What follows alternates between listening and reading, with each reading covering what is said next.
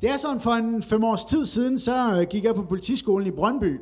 Og øh, jeg tog en øh, masse ture øh, med tog øh, på det her tidspunkt, og øh, jeg sad altid i stillekupéen. Det blev sådan lidt en, du ved, en fast ting, at jeg satte mig ind i det her, øh, det her tog her, så vidste jeg, okay, der er fem timers køretur, så der skulle bare være stille og ro.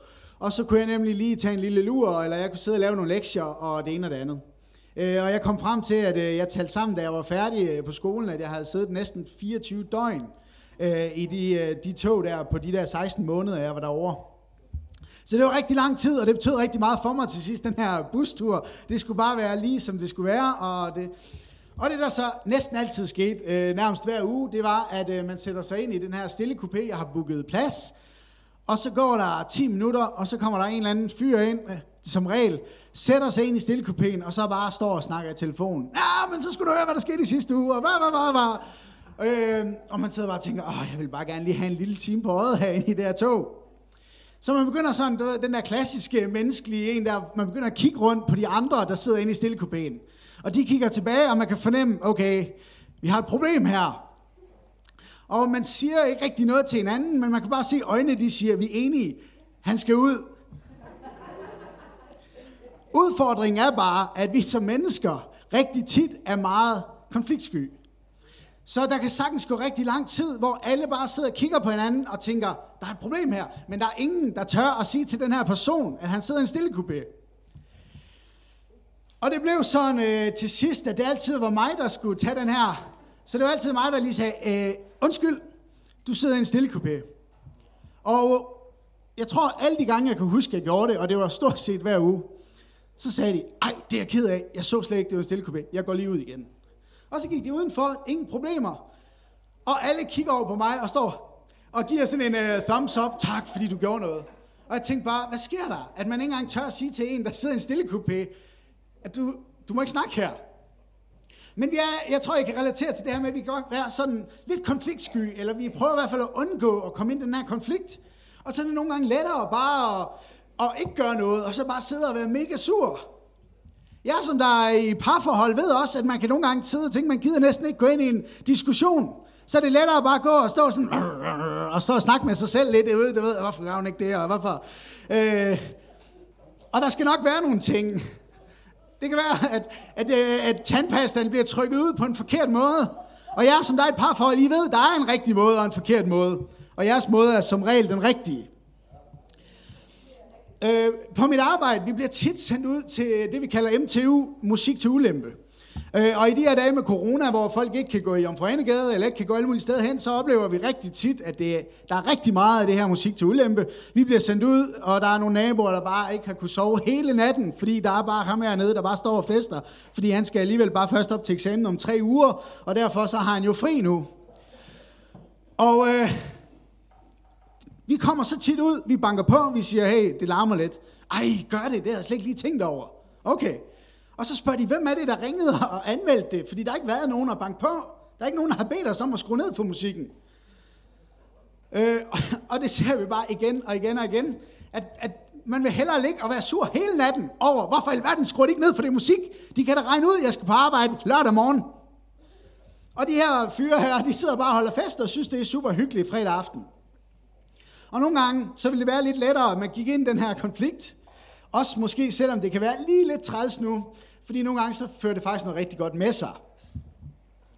Øh, og jeg kunne godt tænke mig i dag at læse en historie fra Bibelen, som der er springfyldt med konflikt eller konfrontation, eller den her tænding her. Øh, og det er øh, i Johannes evangeliet. Og bare lige for at give lidt kontekst, hvad der lige er sket op til her, hvor jeg læser, så er det øh, Jesus, som øh, der er i Jerusalem. Han er lige kommet ned fra oliebjerget, kommer ind i øh, Jerusalem, og han øh, bliver mødt af en masse folk, der siger til ham, øh, hey, der er den her kvinde, der er blevet taget i ægteskabsbrud. Det har I sikkert alle sammen hørt om. Og Jesus han laver den her vise sætning omkring, jamen den er jeg der uden synd, I kaster den første sten. Og det er der ikke rigtig nogen, der vil. Så øh, det ender faktisk med, at der er ikke rigtig nogen, der har lyst til at stene den her kvinde, og hun overlever. Så Jesus har lige reddet en kvinde, for, øh, for at blive øh, slået ihjel. Så går han videre, og så kommer han i diskussion med nogle fejser, Øh, og de øh, siger til ham, hvordan kan du sige, at du er fra Gud og det ene og det andet. Og han provokerer dem helt vildt meget og går faktisk går så langt, fordi de siger sådan noget med dem, at du større end Abraham. Der er ingen, der er større end Abraham. Og Jesus han går sådan set, øh, provokerer den lidt og siger, ved du hvad, jeg er ikke nok med, at jeg er større end Abraham. Jeg var før Abraham. Og Abraham jublede, da han så min dag. Og så står der bare, at de går fuldstændig amok og har lyst til at stene Jesus. Og Jesus han forsvinder, står der. Så når vi kommer her til, hvor vi skal til at læse fra, så på samme dag, der har han lige kommet ned fra bjerget, går direkte ind i en konflikt, hvor der er en kvinde, der er ved at blive stenet. Han redder hende for at blive stenet. Han går lige 10 meter videre. Han kommer i en diskussion. De er klar til at slå Jesus ihjel. Og Jesus han forsvinder fra det her. Og så går han videre på sin vej, som om ingenting er hent. Det er bare en ganske almindelig dag i Jesu liv. Der står så, at de kommer forbi en blindfødt. Altså en, der er øh, født som blind og har været blind hele livet. Og han sidder og tigger og det ene eller andet. Og på et tidspunkt, så kommer disciplene, og så siger de, Jesus, øh, den her blindfødte, er det hans far, der er hans forældre, der er skyld i, øh, at der har syndet, eller er det ham, der har syndet? Fordi det var nemlig sådan, på det her tidspunkt, så havde man sådan en, en, en, en forventning om, eller sådan en, en forestilling om, at hvis man var født blind, eller hvis man var øh, syg af en eller anden øh, årsag, eller født handicappet eller et eller andet, så var man jo født i synd, og så var det enten en selv, der havde på en eller anden måde pådraget sig det, eller også så var det forældrenes synder, og den måde, de havde været nogle forfærdelige mennesker, hvor deres synd var på en eller anden måde kommet over barnet, og derfor så var det straffen. Og disciplene har bare den her læring med, så de går bare og siger, hold op, der er en, der sidder der og blindfødt. Er det hans skyld, eller er det hans forældres skyld, siger de. Og øh, jeg ved ikke, I kan forestille jer, hvordan det må være at være sådan blindfødt. Ikke nok med, at du ikke kan se noget. Du kan ikke arbejde, du kan ikke tjene nogen penge. Du sidder og tigger efter almisser. Men så derudover, så er den generelle øh, idé om ham her også, at hele folket går og tænker, det er nok hans egen skyld. Han har nok været en rigtig trælsen i sit tidligere liv. Eller også har hans forældre bare været sådan nogle rigtig kæmpe store fjolser, der bare har gjort alt det forkerte. Og nu det her, det er produktet af det. En eller anden mand, der er født i synd. Jesus han siger, prøv her, han er ikke hverken født i synd på grund af, at han, øh, der er ikke noget med hans forældre eller noget med ham. Men lige nu er han blind, sådan at jeg kan blive åbenbaret. Fordi at Gud, han skal, I skal se, at Gud han er stor. Og så står der, at Jesus han går hen, han spytter på noget, på noget jord eller noget muld. Så tager han lige og blander det sammen som sådan en god røre der, sådan en mudder. Og så står der, at han går hen til den blinde. Der står ikke noget om, han har snakket ved den blinde først. Der er ikke sådan en passage, hvor han lige siger, hey, kunne du tænke dig at blive helbredt? Han går bare direkte hen, han sidder ned, han kan jo ikke se, hvad der sker. Smutter sådan en om, ordentlig omgang en klat mudder lige øjet på ham. Og så siger han, nu skal du bare gå ned og vaske dig ved Siloadammen, og når du bliver vasket, så bliver du helbredt. Og manden, han rejste sig op og går ned og vasker sig i Siloadammen. Det fede er, at han bliver helbredt. Og han kan lige pludselig se igen, og kommer tilbage til det sted, hvor han var blevet helbredt. Og Jesus, han er væk. Og der begynder at komme sådan lidt røre blandt folk, fordi det var jo sabbat, og på sabbaten, der må man ikke lave noget. Så hvordan i alverden kan han lige pludselig blive helbredt, og hvem har helbredt ham? Så der kommer sådan en kæmpe diskussion. Folk, de er helt op at køre. Øh, og, de, og der står, hvordan at de... Øh, hvordan at der er nogen, de kommer og siger, og ham der, vi har godt nok set ham hver evig eneste dag stå og være blindfødt, men jeg tror egentlig ikke på, at han nogensinde har været blindfødt. Og der er andre, der siger, ah, det passer ikke, vi har set ham, det må være rigtigt. Og der, på den her måde, så breder det bare den her sådan nærmest konflikt eller uro. Folk de, er sådan, de ved ikke, hvad de skal tro. Og så kommer vi til her, hvor jeg gerne vil læse fra. Der kommer lidt læsning, så jeg håber, at I kan bære over med mig. Øhm, og det er fra Johannes 9. Og hvis I sidder derhjemme med Bibelen, så ja, 9, og så starter vi fra vers 13. Og der står sådan her. De førte ham, der, ham som tidligere havde været blind, hen til fejserne det var sabbat den dag. Jesus lavede dyndet og åbnede hans øjne. Nu spurgte så også farisæerne ham, hvordan han havde fået sit syn. Han svarede dem, han kom dønd på mine øjne, og jeg vaskede mig, og nu kan jeg se. Da sagde nogle af farisæerne, den mand er ikke fra Gud, for han overholder ikke sabbaten. Andre sagde, hvordan kan et syndigt menneske gøre den slags tegn? Sådan var der uenighed mellem dem. Derfor spurgte de igen den blinde, hvad mener du om ham? Det var jo dine øjne, han åbnede. Han er en profet, svarede han. Jøderne troede ikke på, at han havde været blind og fået sit syn, før de fik tilkaldt forældrene til ham, som nu kunne se. De spurgte dem, er det jeres søn, som I siger født blind? Hvordan kan han så nu se? Og hans forældre svarede, vi ved, at han er vores søn, og at han er født blind. Men hvordan det er gået til, at han nu kan se, det ved vi ikke. Og hvem det er, der har åbnet hans øjne, det ved vi heller ikke. Spørg ham selv, han er gammel nok til at svare for sig. Det sagde hans forældre, fordi de var bange for jøderne.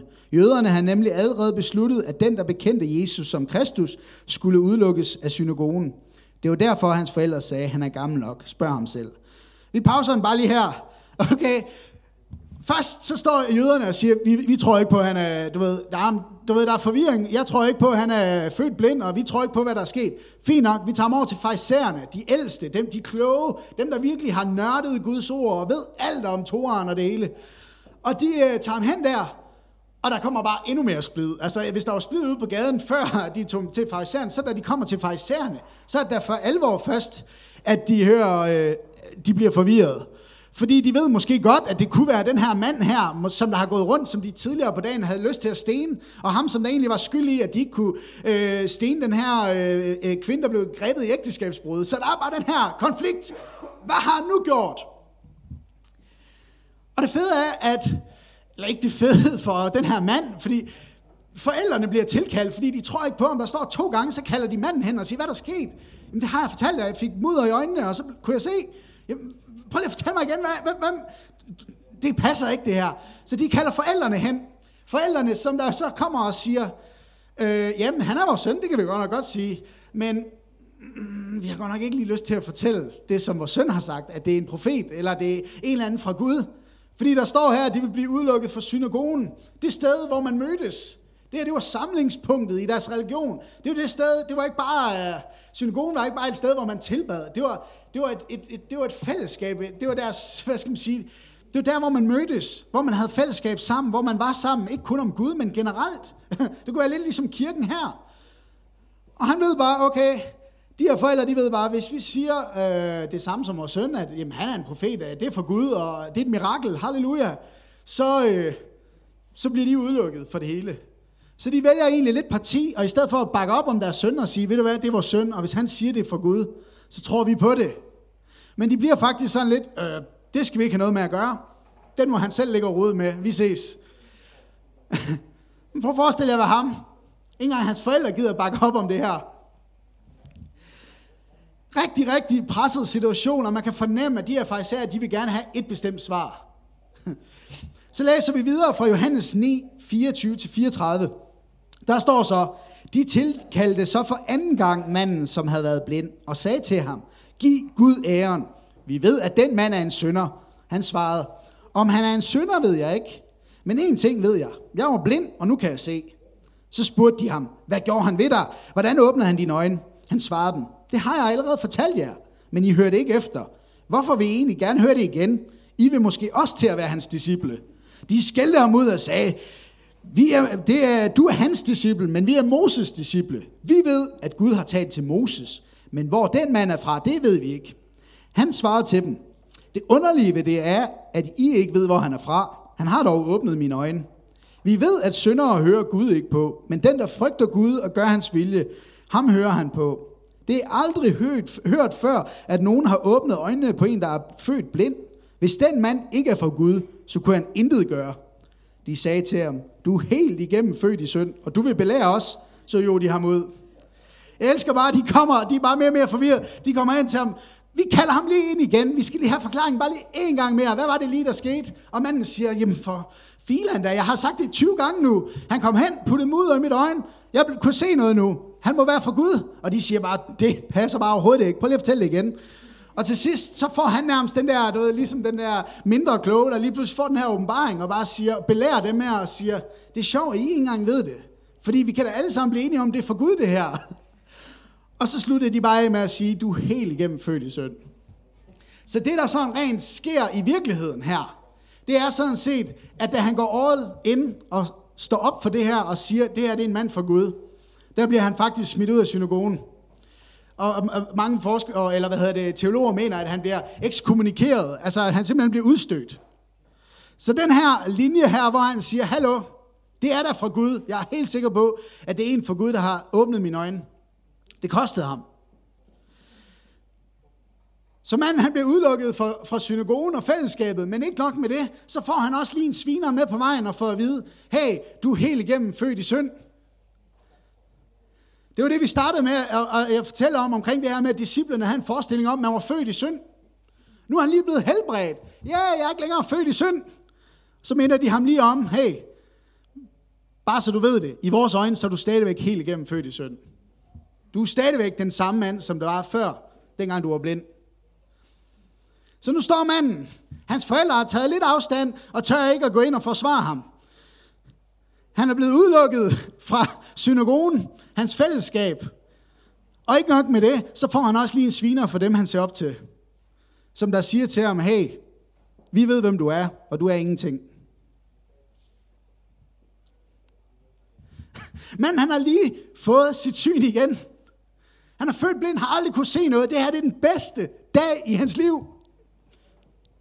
Han kunne jo bare hygge sig med familien. Gå en tur ud i parken, eller hvor nu man gik hen i Israel på det her tidspunkt.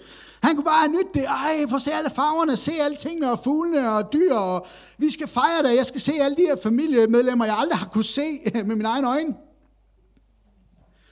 Så hvad er det, der gør, at den her mand er villig til, på trods af, at han har den bedste dag i sit liv, og så trods de her fejser, i stedet for bare at tale dem efter munden, at han er villig til at sige, ved du hvad, jeg er fuldstændig ligeglad om jeg bliver ekskommunikeret. Jeg er ligeglad med, hvad I synes om mig. Men han står ved den her overbevisning.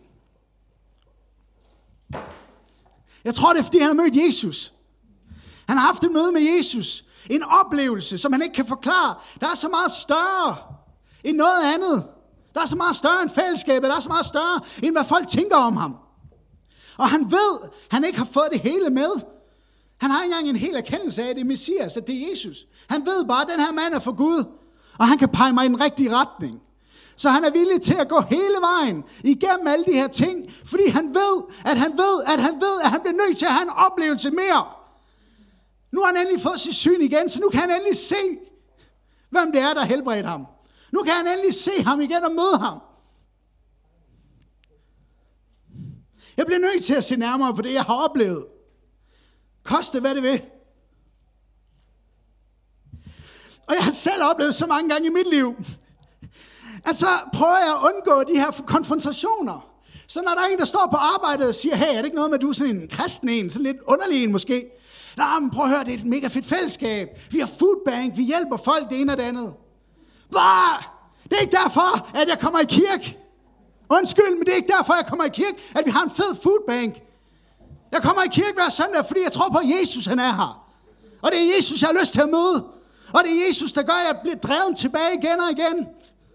Men jeg bliver nogle gange sådan en undskyldning for mig selv, fordi jeg har ikke lyst til at gå ind i den her konfrontation. Hvad nu, hvis de tænker, at jeg er lidt underlig? Det er nok lidt for sent. Og det behøver ikke engang at være konfrontationer. Jeg siger ikke, at vi skal ud og bare lave konfrontationer med alle mulige mennesker, vi møder. Nogle gange så er det den største konfrontation, det her ind med os selv. Det bliver så let bare at blive sådan en, ah, men jeg kunne også gøre det her, jeg kunne også gøre det her, men et eller andet sted, så kan jeg også bare lige tænde fjernsynet. Eller, jeg tør ikke, min frygt eller mit mindreværd, eller min stolthed holder mig tilbage fra at gøre det, som jeg ved, at jeg ved, at jeg ved, at jeg bliver nødt til. Men der er noget, der holder mig tilbage, og nogle gange så får den største indflydelse.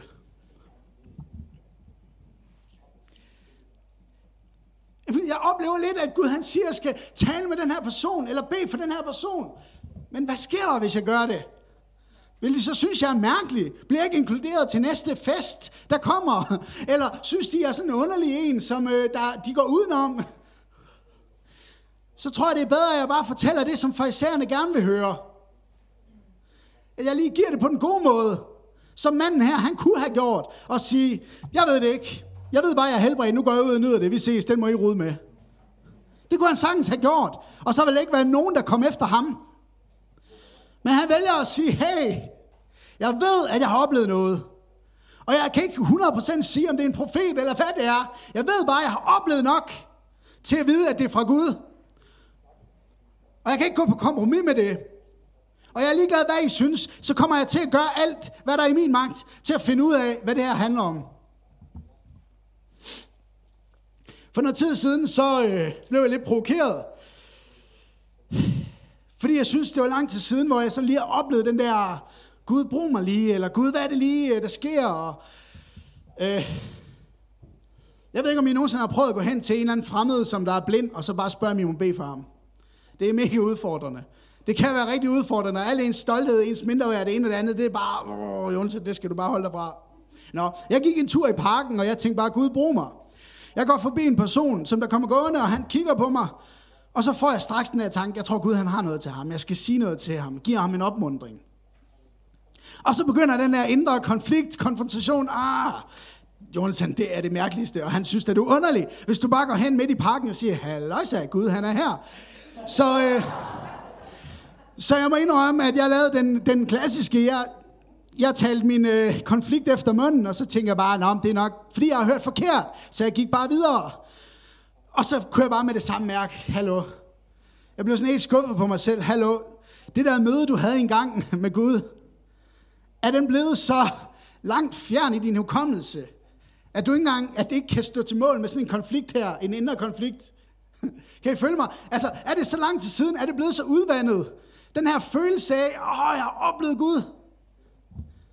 At den ikke engang kan overvinde en eller anden menneskefrygt, eller en eller anden øh, øh, ærekær følelse. Så jeg sagde, Gud, det er jeg ked af. Lad mig møde ham igen. Nå, jeg gik i parken, og øh, der gik lang tid. Der gik 20 minutter, 25 minutter. Jeg gik en stor øh, øh, tur i parken.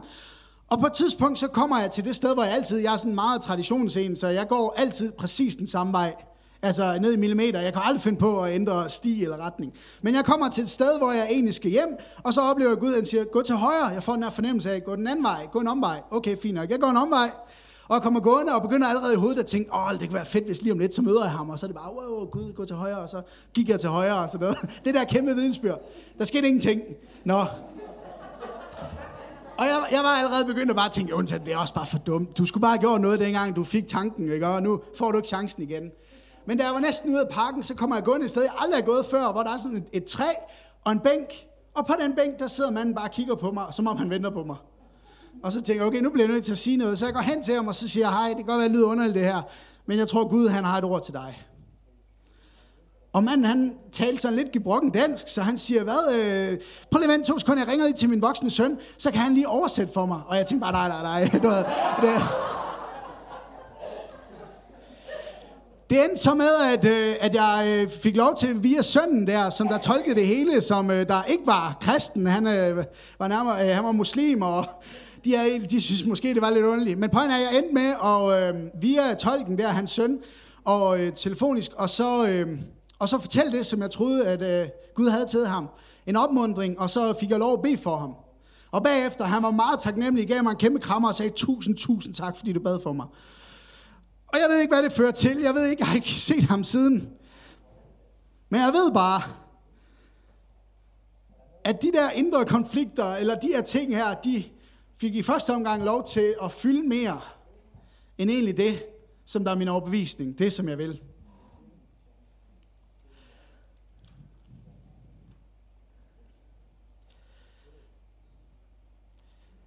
Sådan er det også nogle gange i et forhold, så hvis, hvis man kan relatere det og tage det over til det, Altså det der med, hvis man snakker om dengang man mødte hinanden, har I nogensinde spurgt nogen, hey, hvordan mødte I egentlig hinanden? Og når de så begynder at fortælle, ja, så mødte vi hinanden der, jeg så hende og tænkte, wow, hun er smuk, så kan man bare se, der begynder at lyse noget op, fordi man bliver lige mindet om, hey, hvad var det nu, jeg faldt for? Hvad var det for en oplevelse, jeg havde? Hvad var det, der skete? Jeg tror, det er det samme med Jesus og vores forhold til ham. Nogle gange så glemmer vi lidt den der, det der møde der, hey, jeg fik øjnene igen, eller så synet igen, øjnene var der vist hele tiden. Men hey, jeg oplevede noget. Jeg har haft et møde, da jeg var blind. Nu kan jeg se, og nu vil jeg gerne finde ham. Der står i eh, Matthæus 7, I behøver ikke slå det op, det er hurtigt her, hvor der bare står, B, så skal der, søges, øh, skal der gives jer. Søg, så skal I finde. Bank på, så skal der lukkes op for jer. For enhver, som beder, får. Og den, som søger, finder. Og den, som banker på, lukkes der op for. Gud, han er trofast. Og jeg har prøvet flere gange i mit liv, hvor jeg har følt, at jeg har stået på den her vej ude foran synagogen. Og fællesskabet, man lige kom i, eller relationerne, man havde, eller de forbilleder, man bare tænkte, wow, dem ser jeg op til. Det var bare væk. Alle de ting, man troede på, og man står derude på den der dumme vej og tænker, hallo, jeg kunne have været herinde i fællesskabet, eller jeg kunne have stået her, men det gik galt. Og det eneste, jeg kunne holde bare lidt fast på, det er, at jeg vidste, at jeg vidste, at jeg vidste, at jeg har haft et møde engang. Jeg har haft nogle oplevelser, som jeg ikke kunne forklare, der var større. Og jeg gik ud på den vej, og sagde, Gud, mød mig igen. Og jeg oplevede, hvordan Gud han er trofast. Gud han er trofast og ønsker at møde dig, når du spørger. Og vi læser lige videre fra Johannes 9, fra 35, der står sådan her. Jesus hørte, at de havde jaget ham ud, og da han mødte ham, sagde han, tror du på menneskesønnen? Det skal siges, at han har aldrig set Jesus, så han ved ikke, hvem det er, han snakker med. Der kommer bare en hen til ham. Og han siger, tror du på menneskesønnen? Og den blindfødte spurgte, hvem er det her, så jeg kan tro på ham? Jesus sagde til ham, du har set ham. Det er ham, der taler med dig. Han sagde, jeg tror her. Og han tilbad ham. Gud han er trofast, når vi kommer og spørger, Gud, vil du møde mig? Jeg har haft en eller anden oplevelse. Eller jeg har brug for en ny oplevelse. Jesus besvarede mandens ønske og mødte ham derude.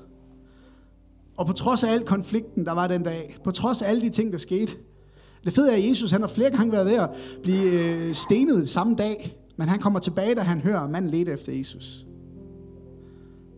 Jesus var ligeglad med, at der lige havde været nogen tidligere, der havde troet ham med at stene ham. Han går tilbage for at lede efter manden.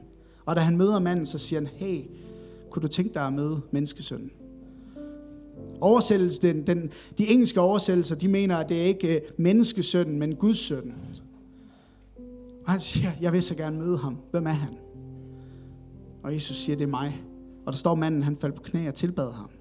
Og han fik det her møde. Han fik lov at se ham. Det der bare var, det han gik all ind på. Den der fornemmelse af, jeg har oplevet et eller andet. Jeg bliver nødt til at finde ud af, hvad det er.